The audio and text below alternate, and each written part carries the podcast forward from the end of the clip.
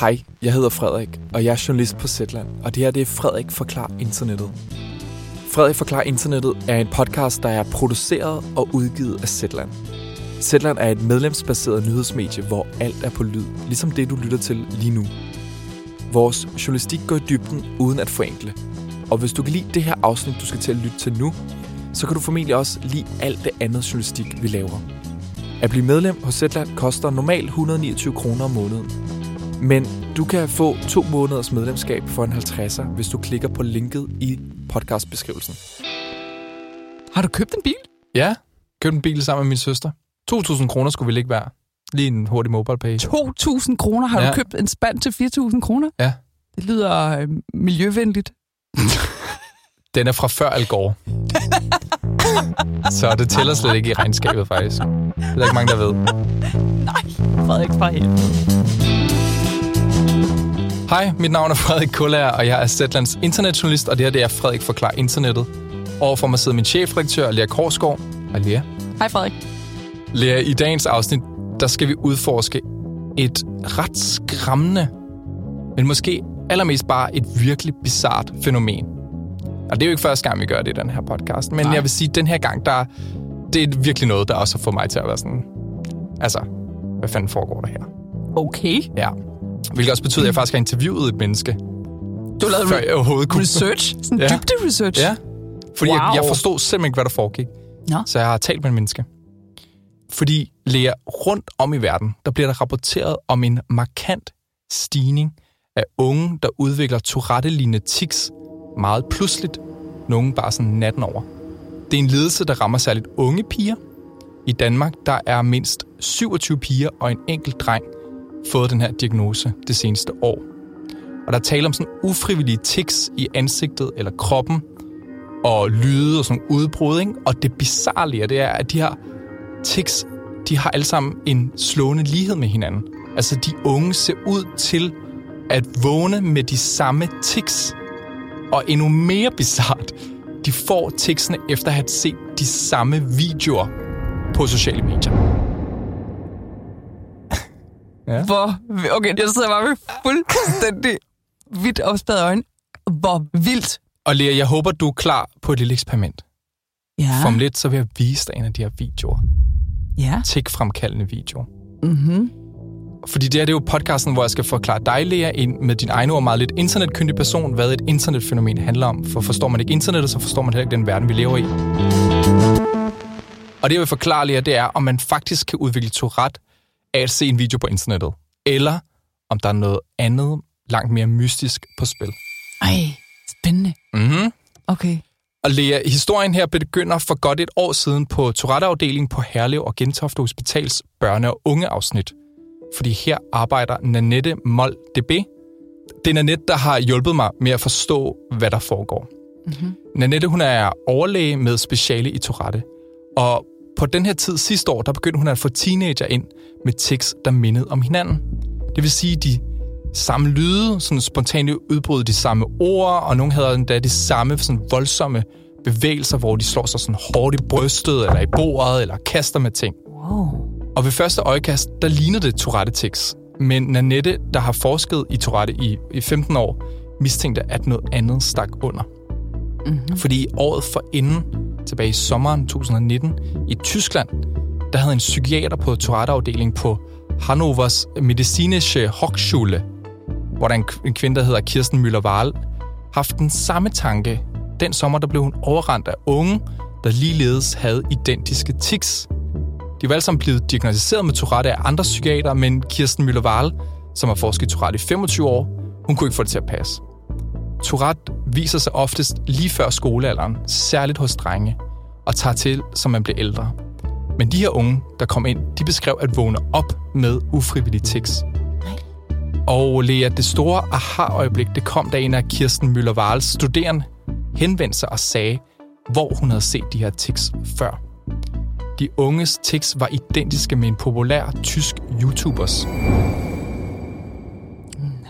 Ja, og den YouTuber er Jan Zimmermann, og han er 23 år, og på sin YouTube-kanal Gewitter im Kopf, altså jeg tror det har været tordenvejr i hovedet, Ja. der dokumenterer han sit liv med Tourette. Og øh, videoen de er sådan sjove, han laver en masse ballade, render rundt og snakker og har tics, og han bare sådan taler åbent og ærligt om at have Tourette, og det har gjort ham til en YouTube-stjerne. Mm-hmm. Der er 2,2 millioner mennesker, der abonnerer på Gevitter Imkov, og hans videoer de blev set over 300 millioner gange. Han er Okay. så kæmpe stor, ikke? Okay. Og i videoerne her, der kan man høre Zimmermans mest typiske tics. Blandt andet, du bist hæslig, du er hæslig eller grim, Mm-hmm. og pommes, som er pomfritter. Mm-hmm. Han er meget glad for pommes. Altså, Eller- det er sådan ting, han bare udbryder. Ja, han siger bare Ja. pommes. ja, uden han kan styre det. Yes. Og Lea, det var nogle af de samme udbrud, altså du bist hæslig og pommes, som Kirsten Müller Wahls patienter havde. Omkring 50 styks. Nej. Ej, det... Ej. Ja. ja. Nej. Ej, hvor det vildt. Okay. Og der var også flere af de unge tyskere, der omtalte deres Tourette som Gisela, som er et kælenavn, som øh, Jan Zimmermann, han bruger af sin Tourette. Altså Nå. simpelthen besjæler den på en eller anden måde, ikke? Ja. Og så Kirsten, hun spurgte jo sine patienter til det her sammenfald.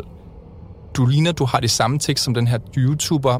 Er det tilfældigt, eller hvad foregår der? Og så svarede de rigtig, altså, der svarede mange af dem rigtig nok, at de havde set en del af Zimmermans videoer.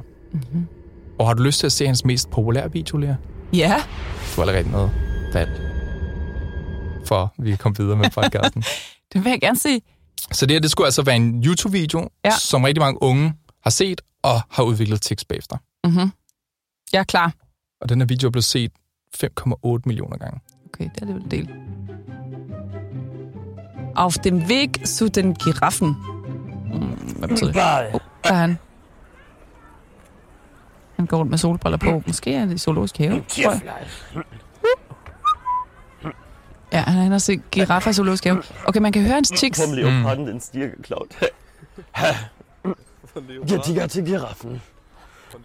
Ich bin eine schwule Giraffe. Bombe. Altså, handler det om, at han har Tourette? Ja. Og så ser man, han har sådan nogle, især sådan nogle Ja, sådan nogle... udbrud Ja. Og har sådan de her sådan faste sætninger, ikke? med pommes. Ja. Og- Og som er meget sådan klassiske tourette tekst. Ja. Men ja, det er faktisk det, videoerne handler om. Altså, det er selvfølgelig, den her video er fra 2019, og siden er de blevet mere sådan professionelle. Mhm. Mm-hmm. Sådan minder faktisk enormt meget bare om alle mulige andre YouTubers videoer, ikke? Okay. Bare med det her tourette tik-lag ovenpå. Okay, så Lea Kirsten Müller-Wahl, hun stod altså i 2019 med en masse unge patienter, der efter at have slugt en masse videoer, som den du lige så, var begyndt at spejle YouTuberens tics. Mm-hmm. Og på Tourette-afdelingen på hospitalet i Herlev, der lavede Nanette den samme kobling, og så hun spurgte de unge, der kom ind, om de havde set videoer på sociale medier med mennesker, vi kunne kalde for øhm, Tourette-influencer, ikke? Mm-hmm. Og bortset fra en, så svarede de alle sammen, ja, Okay. This Trippy Hippie, som har 13,6 millioner følgere, hvilket er et sindssygt højt tal.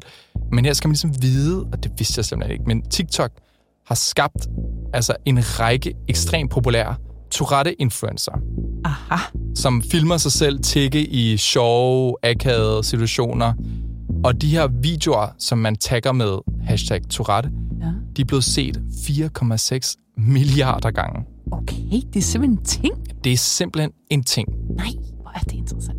Øh, og lad mig vise dig en af This Trippy Hippies videoer. Og det her kan vi faktisk se, at hun slår sig i brystet, og hun slår også ned i bordet. Ja. Ja. Nøjagtigt som de danske teenager med tekst, de gør. Okay. Ja. Ja, hun har tics. Og sidder og slår sig i brystet. Hun, jeg tror, hun er i- til skoleundervisning, ikke? Jo. Og fløjter også. Og sådan pifter. Wow, hun, hun er godt nok tigramt. Ja. Altså, Og så kan du se i videoen, der er jo ligesom lagt sådan noget glimmer på, altså den er ja, optaget den er jo sådan, meget. den er jo sådan øh, TikTok-æstetisk, ikke? Altså, Jo. hendes, hendes, øh, hun har fået sin ørering til at glimte, og Ja, øhm, hun ligner jo en TikToker. ja Altså, fuldstændig. sådan- Sidder og smiler og kigger ind i Ja. ja. kameraet, og tydeligvis bevidst om, hun også filmer sig selv, mens Ja. ja. hun er til time. Man kan høre en Ja. ja. lærer i baggrunden. Og den her video er blevet set, eller blevet liket 6,8 millioner gange, Wow. og har næsten 35.000 kommentarer. Okay. Det er et helt univers med Tourette-influencer.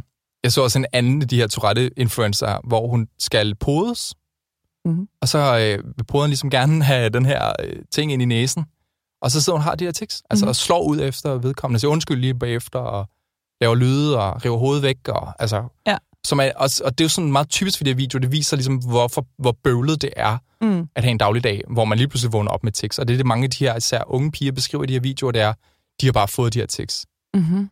Og man kalder dem faktisk for TikTok-tics, Wow. fordi det er jo helt oplagt. Okay. Det er simpelthen sådan en helt det er sådan en lidelsesgenre for ja. Sig selv, kan man sige.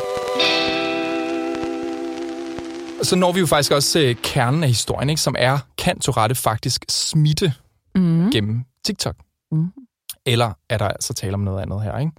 Og måske lige, jeg skal først lige forklare, hvad vi faktisk ved om Tourette. Det er en arvelig neurobiologisk lidelse, øh, der oftest viser sig hos drenge, altså lige inden de skal starte i skole. Men årsagen til Tourette er mere mudret. Sandsynligvis mener man, at der er tale om en kombination af forstyrrelser i hjernens signalstoffer og en forstyrret funktion mellem bestemte dele af hjernen, som på en eller anden måde laver lidt rav i den. Mm-hmm. Langt de fleste med Tourette, de har fysiske tics. Det er særligt i øjet, ansigt eller skulderen. De kan så være store eller små. Mens de har sådan ukontrollerede lyde og udbrud, de er meget sjældne. Det er faktisk kun under 3% af personer med Tourette, der har de her lyde og udbrud. Okay. Så de her TikTok-tics er ret... Vil, hvis det var Tourette, så ville det være rigtig mange af dem, der Mhm. mm-hmm. havde det her. Ikke? Mm-hmm. Hvilket så føres tilbage til Tourette-afdelingen på Herlev og Gentofte Hospital. Fordi da Nanette hun begyndte at undersøge de her teenager, der kom ind med det her, vi, vi kalder TikTok-tics, der kom hun frem til, at de ikke havde Tourette. Mm-hmm. I stedet så mener hun, og det er jo ikke alene om det her, det, det mener også den her tyske psykiater Kirsten Müller-Wahl og andre eksperter rundt om i verden, der også er blevet overrendt af tikramte unge, at de lider af noget, der hedder functional tics. Mm-hmm. Så forskellen er, at hvor Tourette skyldes en ubalance i hjernens signalstoffer, og altså især rammer drengebørn, så er functional tics en stressrelateret belastningsreaktion, der især rammer piger. Mm-hmm. Hvilket betyder, at de her unge ikke mangler de her signalstoffer til at kontrollere deres teenagekroppe, men at de ligesom har sluppet tøjlerne til at styre den. Og det seneste år, der har Nanette haft 28 patienter, alle under 19 år, med functional tics, hvilket hun fortæller er en markant stigning. Normalt så ser de på klinikken højst 5 om året med den her type af tics. Og der har faktisk været så mange igennem, fortæller Nanette, at øh, de kan høre, når der kommer en ind med functional tics. De bliver jo som regel henvist fra et andet sted i landet, under påskud, at de har Tourette, eller hvad det kan være. Mm-hmm. Og så siger hun til mig, vi kan høre dem ude i venteværelset Nej. sige, uh, som er et tik, mange på sociale medier har, og som de også har. Citat slut. Hold da kæft, mand. Ja. Ja. Ej. Vild historie, det her. Det er Ej, jeg er historie. helt slugt. Ja. Og nu skal vi faktisk på en tidsrejse. Ja. For svaret på, hvordan tekst kan sprede sig så pludseligt, findes der en mulig forklaring på, men vi skal finde den længere tilbage i menneskets historie, end vi vist nogensinde har været i Frederik Forklaring internettet. Mm-hmm. Vi skal lidt over 500 år tilbage i tiden. Og til Strasbourg, der ligger i Frankrig i dag, men dengang der lå det i det tysk-romerske rige. Året det er helt præcist 1518, og det var sommer, og i en smal gade, hvor der var stalle og smedjer og boder, der kom en kvinde dansende ud af sit hus. Og hun vred sin krop til lyden af ingenting. Hun var helt alene. Man kunne heller ikke se nogen sådan glæde i hendes ansigt. Og det var som om, sagde de mennesker, der begyndte at stemle sammen om hende, at hun var blevet besat af en djævel, der tvang hende til at danse. Og den her kvinde, hun hed Frau Trofea, og i flere dage der dansede hun, indtil hun selvfølgelig fuldstændig udmattet og dehydreret kollapsede lige der på gaden. Mm-hmm. Men inden da, der havde hun fået hele Strasbourg til at danse. Den første, der sluttede sig til Frau Trofea, det var hendes nabo. Så kom der en til, og så en til. Og efter en uge, så dansede 34 mennesker. Men da en af dem drættede død om, der blev der hedkaldt nogle læger, øh, som skulle stoppe den her dansemani. Og den kur, de fandt på, det var, at hvad end der havde overtaget deres kroppe, det måtte danses ud. Huh. Så hele bygninger blev forvandlet til middelalderlige diskoteker med øh, musikere, der spillede fløjter og trommer. Og en måned senere, der dansede 400 mennesker i gader og stræder og i byens festlokaler. Og der skulle faktisk gå næsten to måneder, før den her danseepidemi begyndte at aftage. En efter en, så stoppede de bare med at danse.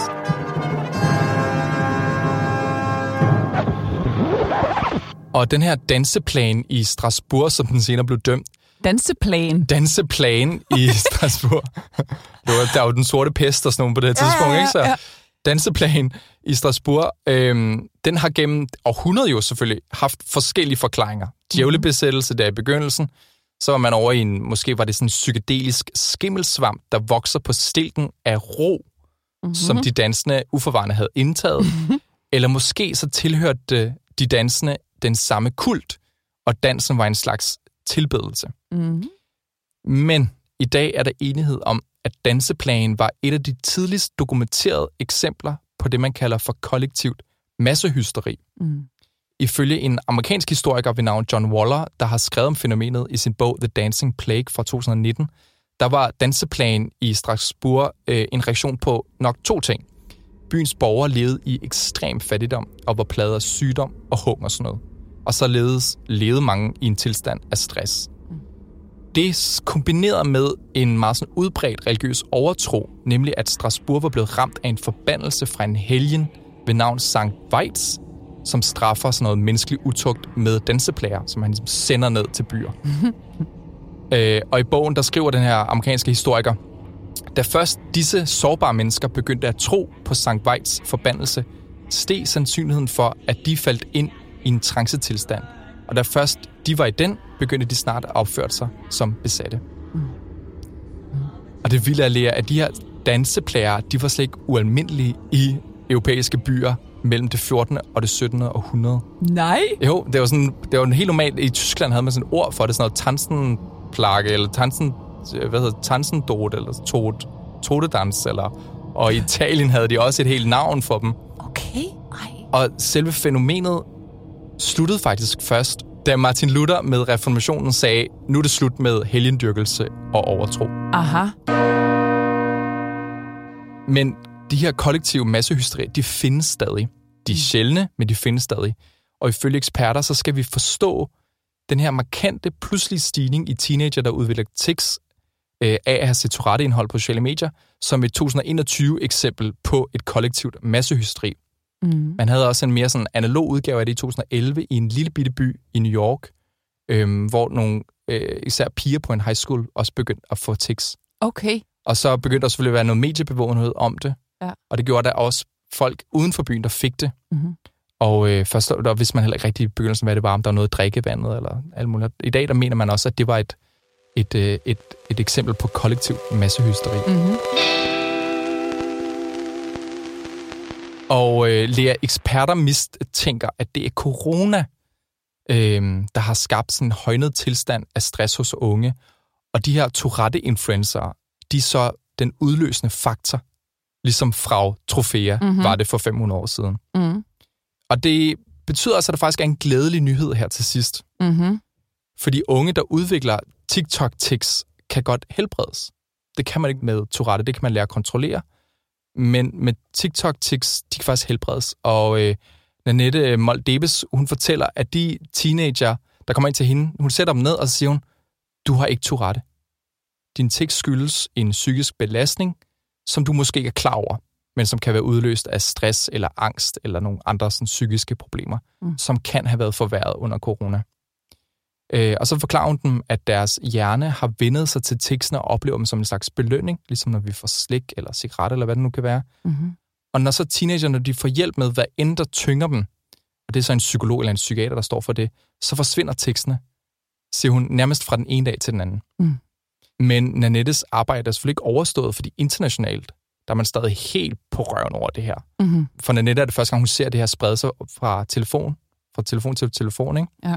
Og internationalt der er man ved at få et overblik over, hvor, hvor mange unge, der spontant udvikler de her funktionelle tics ved at se Tourette-indhold online. Mm-hmm. Og så siger hun til sidst, corona-isolationen, den er over, men sociale medier bliver ved med at eksistere. Og Mm. vi skal finde ud af, hvordan delen kan man påvirke hinanden på den måde der. Mm. Wow. Må jeg sige noget? Mm. Jeg, jeg, altså, for første gang nogensinde har jeg jo skrevet ting ned undervejs. Det er en hel uh, jeg, post jeg, jeg, blev, jamen, jeg, nej, jeg blev nødt til lige at, at, at feste nogle tanker, fordi jeg jo faktisk har beskæftiget mig med hysteriens historie tidligere. Ja. Jeg har aldrig nogensinde hørt om den der danseplage. Men, Okay. men jeg har især været meget optaget af hysteri i tiden omkring Freud. At det Mhm. var også Freuds store ting, det var, at han begyndte at, at studere hysteriske kvinder, der fik øh, pludselig lidelser, lammelser, øh, pludselig begyndte at tale et helt andet sprog end deres eget. Ja. Øh, Tourette var også en del af det, mm. eller øh, ja, sådan lammelser i den ene side af kroppen. Ikke? Mm. Mm. Alt muligt. Mm. Mm. Og hysteri er i den form er ligesom forsvundet i dag. Okay. Det er ikke længere en lidelse. Nej. Og det, man fandt ud af efterfølgende, især, det var, at, jamen, at det der felt mellem det psykiske og det somatiske, mellem, mellem sindet og kroppen, bare Mm. jo er selvfølgelig langt mere øh, sammenfiltret, end Mm. hvad vi måske også tror i dag. Og en af forklaringerne på hysterien dengang, det var, at kvinderne voksede op i et samfund, der på den ene side gav dem mulighed for at være øh, sig selv. Der var mange flere muligheder for kvinder, og på den anden side, så levede de stadigvæk under super sådan restriktive normer for, hvad Altså, det vil og sige at hvornår var vi nu? Øh, Hvilke Nu er vi sådan tilbage fra 1880'erne og så frem i til mellemkrigstiden, 1920'erne, 30'erne. Ikke? Okay. Så, så der kom flere og flere muligheder for at være kvinde og realisere sig selv, og Mm. samtidig var samfundet stadigvæk super sådan restriktivt. Der er en, en bestemt måde at være kvinde på. Og det forplantede sig i psykiske lidelser, eller Okay. kropslige lidelser, ikke? i lammelser og alt de her øh, tik, alt det der. Ja. Og efterhånden, som kvinder så fik mulighed for at realisere dem selv, og ikke leve under super restriktive normer, så forsvandt Mm. hysteri som sygdom. Det er vildt. Det er nemlig ret vildt, og derfor kan jeg ikke lade være at sidde og tænke på, er det bare i gåseøjne corona? Eller hvad er det i tiden, der gør, at de der piger bliver øh, somatisk syge, jo, mm. Mm. altså kropsligt syge, af et eller andet i vores kultur eller vores tid? Ja. Det er, jo, det er jo tydeligvis det, de gør, ikke? Jo, jo, jo. Men er det, er det bare corona? Er det bare stressen over at sidde derhjemme og glæne øh, øh, YouTube i stedet for at lave lektier, eller hvad man, hvad man nu har gjort, ikke? Eller er det noget andet? Altså, nogle af dem, jeg, jeg har læst op på her, og, og sådan Annette siger, at man så det også før corona i begyndelsen af det, som flugter meget godt med, at der begynder at komme de her Tourette-influencer. Ja. Men altså, det, og corona har måske bare været en form for sat, sat lidt turbo under det her. Ja. Og måske, altså det er jo også, hun siger, det er jo fordi, de har nogle underliggende psykiske problemer. Altså hun siger, der er nogen, der får ondt i maven, når de er stresset, Mm. eller har andre former for symptomer. De her tik er deres måde at vise deres stress, eller deres angst, eller hvad det nu er på. Ja, men så vil den store freudianer her ikke, sige, det er ikke, det, er ikke, det er ikke bare individuelle psykiske problemer. Der er noget i vores... Det, det er en kulturel sygdom, det der. Mm. Der er noget i vores kultur, i vores samfund, der, der forplanter sig som en stress. Det kan ikke forklares kun individuelt, når, når netop der er så mange, der får det.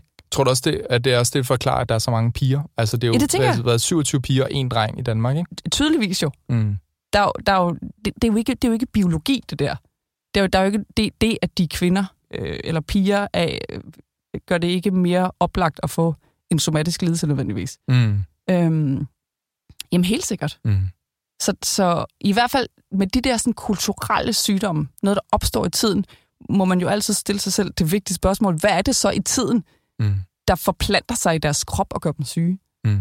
Øh, hvis det ikke kun kan forklares med, med deres sådan, individuelle Mm. biologi. Ikke? Ja. Det er jo sindssygt spændende. Helt vildt. Og jeg vil bare, nu Nanette er tydeligvis stør, helt klart mere ekspert, end jeg er her, ikke? så det er hende, man skal lytte på. Men jeg kan bare ikke være med at sidde tilbage med det store spørgsmål. Øh, Okay, så, så lad os se om to år, når Mm. corona er forbi. Find, hvis det her findes stadigvæk, mm. så skylder vi os selv at spørge, hvad er det så i vores tid og vores kultur, der gør dem syge? Ja. Var der også noget med i forhold til, altså her, der, der er det tydeligt, at de ligesom sådan giver det til hinanden. Det smitter sig ligesom som bølger, i, altså ringe i vandet. Ja. Fra et eller andet centrum, måske en eller anden stor influencer på TikTok, og så rammer det, Ja. du ved, unge mennesker over hele verden, ikke? Det er jo det, vi ser lige nu med det her, ikke? Ja. Hvad, hvad med dengang med, med Nå, men det Freud kan- der? Var det også noget, man kunne... Ja, jamen det kender, det kender man jo også fra, da, da Goethe skrev Den unge værters lidelser, som handler om øh, den unge værter, som bliver forelsket i Lotte, og ikke kan få hende, og ender med at tage sit eget liv ved at skyde sig selv. Der talte man jo om, at det satte en, en selvmordsbølge i gang blandt de unge, hippe mænd i Mm. Europa, fordi at de blev i går sådan smittet af værter. Mm. Så, så igen, den der sammenhæng mellem psyken og kroppen og kulturen, selvfølgelig findes den. Ja. Så, altså, det er ikke nødvendigvis noget, vi tænker over til hverdag, men, men, men den er der jo åbenlyst. Mm. Selvfølgelig kan vi, øh, hvis vi kan lade sig inspirere af hinandens skovalg, så kan vi også lade os inspirere af, af hinandens, øh, hvad kan man sige, sådan, øh, kulturelle tics eller, eller normer, eller Mm. øh, måder at gebære os på. Men det er nogle vilde perspektiver. Altså, når man har det eksempel ned fra Strasbourg. Ikke? Det kom mm. ligesom ikke ud af bygrænsen. Så havde du i 2011 i New York, i den her landsby. Det nåede til high schoolen, og så nåede det smidt nogle enkelte få, der også lige læste lokalavisen fra området. Ikke? Ja, Og nu har vi det her eksempel i 2021, Ja. som spreder sig fuldstændig globalt. Ja. Altså, det er jo ret vildt. Altså, det er jo klart, det er jo bare, fordi vi, er- vi, er, meget, vi er kommet, vi er bare sådan hyper mm. forbundet med hinanden. Ikke? Så Ja. sådan nogle ting har vel også smidt Ja. på en anden måde, end det nogensinde har gjort før. Ja. Men det er en sindssygt spændende historie i den tid, vi lever i, fordi vi er ved at få bildet os selv ind, at alt kan forklares med biologi og hjernekemi, og så mangler der lidt øh, stof i din venstre hjernehalvdel, mm. Og derfor er du XX eller lider af YY. Men nej, nej, nej, nej, nej. Altså, din krop og din psyke hænger sammen med andre mennesker, med det samfund, du bor i, med den kultur, du er en del af. Mm. Den kan selvfølgelig også påvirke din biologi. Det viser den her historie jo med al tydelighed. Fuldstændig. Hvor komplekst det, det er. Ja. Ej, hold kæft, en spændende historie. Det var godt. Wow. Vildt. Mm. Jeg vil gerne sige tak til dig, der har lyttet med på det her afsnit af Frederik Forklar Internettet. Det er Ida Skovsgaard, der har mixet musikken. Det er Niels Malle Lundsgaard, der har klippet og produceret den. Og min redaktør er Kåre Sørensen. Og hvis der er noget, du gerne vil have, jeg forklarer i næste afsnit af Frederik Forklar Internettet, så skriv til mig på frederiksnabelsætland.dk. Ja, den der emoji, hvor øh, hovedet eksploderer lige nu. Jeg kan godt se det på dig. Ja, ikke? Du ligner, du har det der granatschok. Ja, det er sådan, jeg har det. Læg nogle lydeffekter ind her, Niels Malte. Nej, det er en bog, det der. Seriøst. Hvis du kunne lide det her afsnit af Frederik Forklar Internettet, så er jeg ret sikker på, at du også kan lide alt det andet journalistik, vi laver. Og som jeg nævnte i begyndelsen, så kan du, fordi du har lyttet til det her afsnit, prøve Zetland i to måneder for en 50'er, hvis du går ind på zetland.dk-ffi. Du kan også bare klikke på linket i podcastbeskrivelsen. Det er nok det nemmeste.